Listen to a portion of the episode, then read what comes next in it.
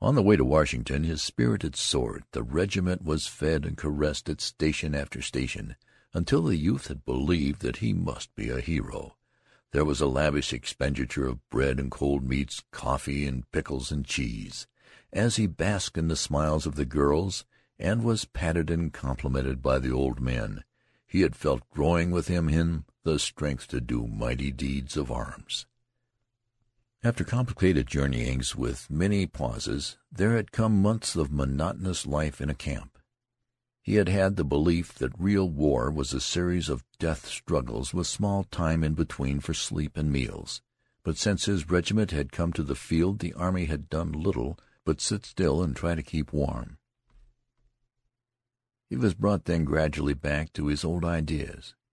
Greek-like struggles would be no more. Men were better or more timid. Secular and religious education had affected the throat-grappling instinct, or else firm finance held in check the passions.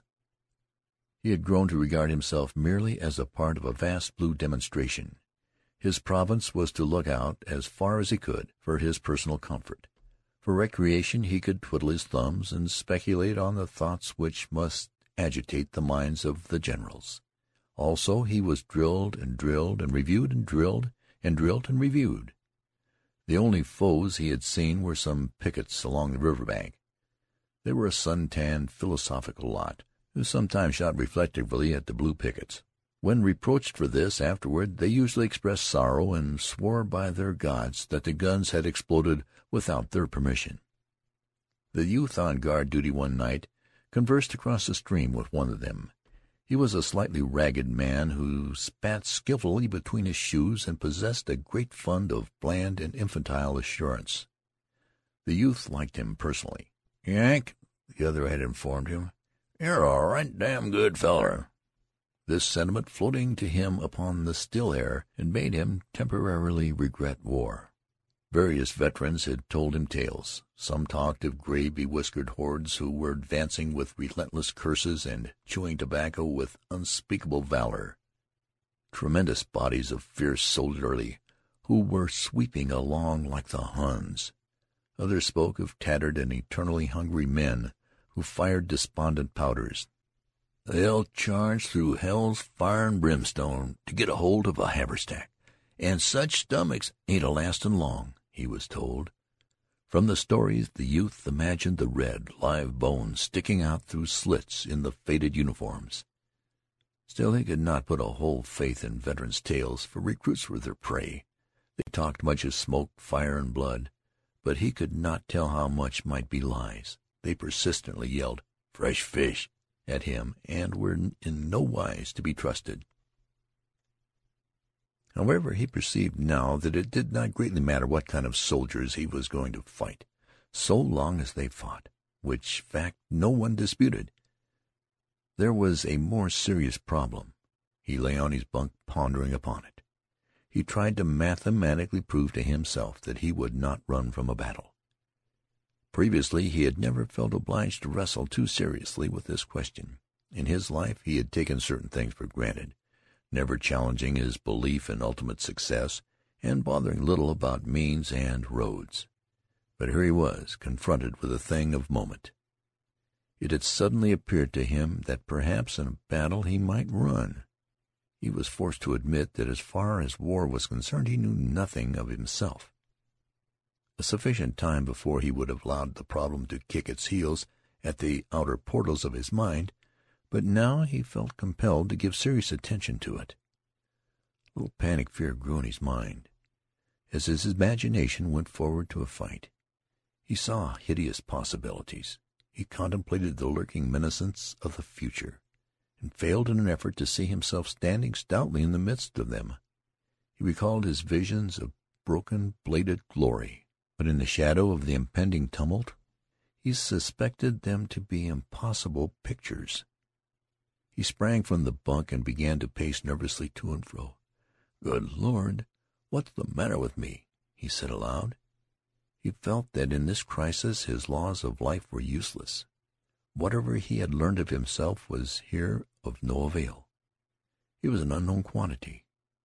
he saw that he would again be obliged to experiment as he had in early youth. He must accumulate information of himself, and meanwhile he resolved to remain close upon his guard, lest those qualities of which he knew nothing should everlastingly disgrace him. "Good Lord!" he repeated in dismay. After a time the tall soldier slid dexterously through the hole. The loud private followed. They were wrangling. "That's all right," said the tall soldier as he entered. He waved his hand expressively. "You can believe me or not, just as you like. All you got to do is sit down and wait as quiet as you can. Then pretty soon you'll find out I was right." His comrade grunted stubbornly. For a moment he seemed to be searching for a formidable reply. Finally he said, "Well, you don't know everything in the world, do you?" "Didn't say I knew everything in the world," retorted the other sharply. He began to stow various articles snugly into his knapsack.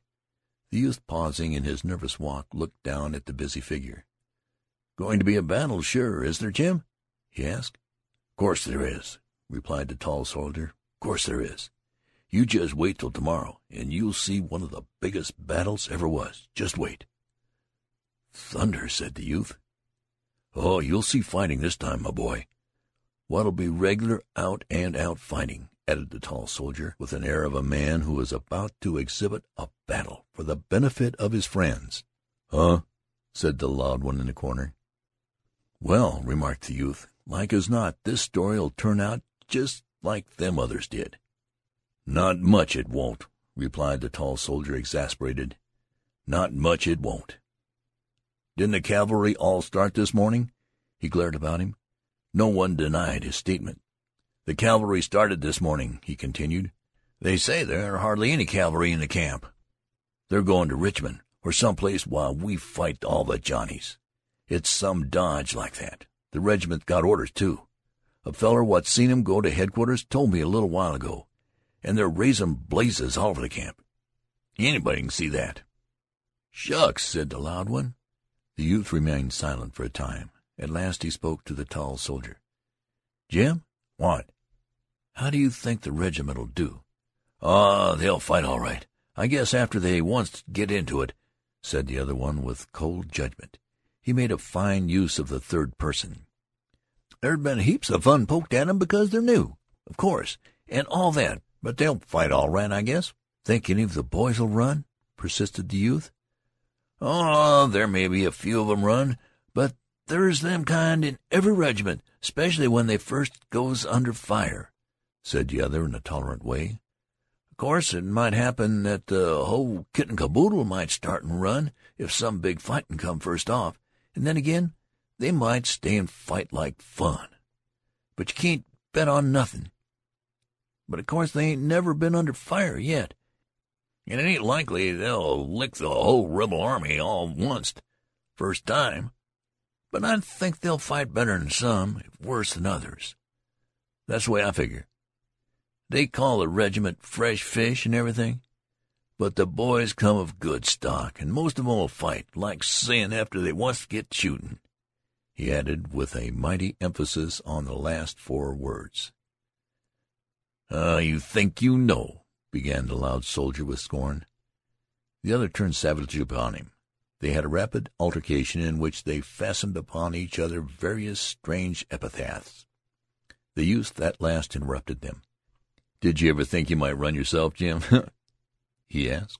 On concluding the sentence he laughed as if he had meant to aim a joke. The loud soldier also giggled. The tall private waved his hand. "Well," he said profoundly, "I thought it might get too hot for Jim Conklin in some of them scrimmages, and if a whole lot of boys started and run away, I suppose I'd start and run. And if I once started to run, I'd run like the devil and no mistake. But if everybody was a standin' and a fighting, why, I'd stand and fight. Be Jiminy, I would. I'll bet on it." "Huh!" said the loud one. The youth of this tale felt gratitude for these words of his comrade. He had feared that all of the untried men possessed a great and correct confidence. He now was in a measure reassured.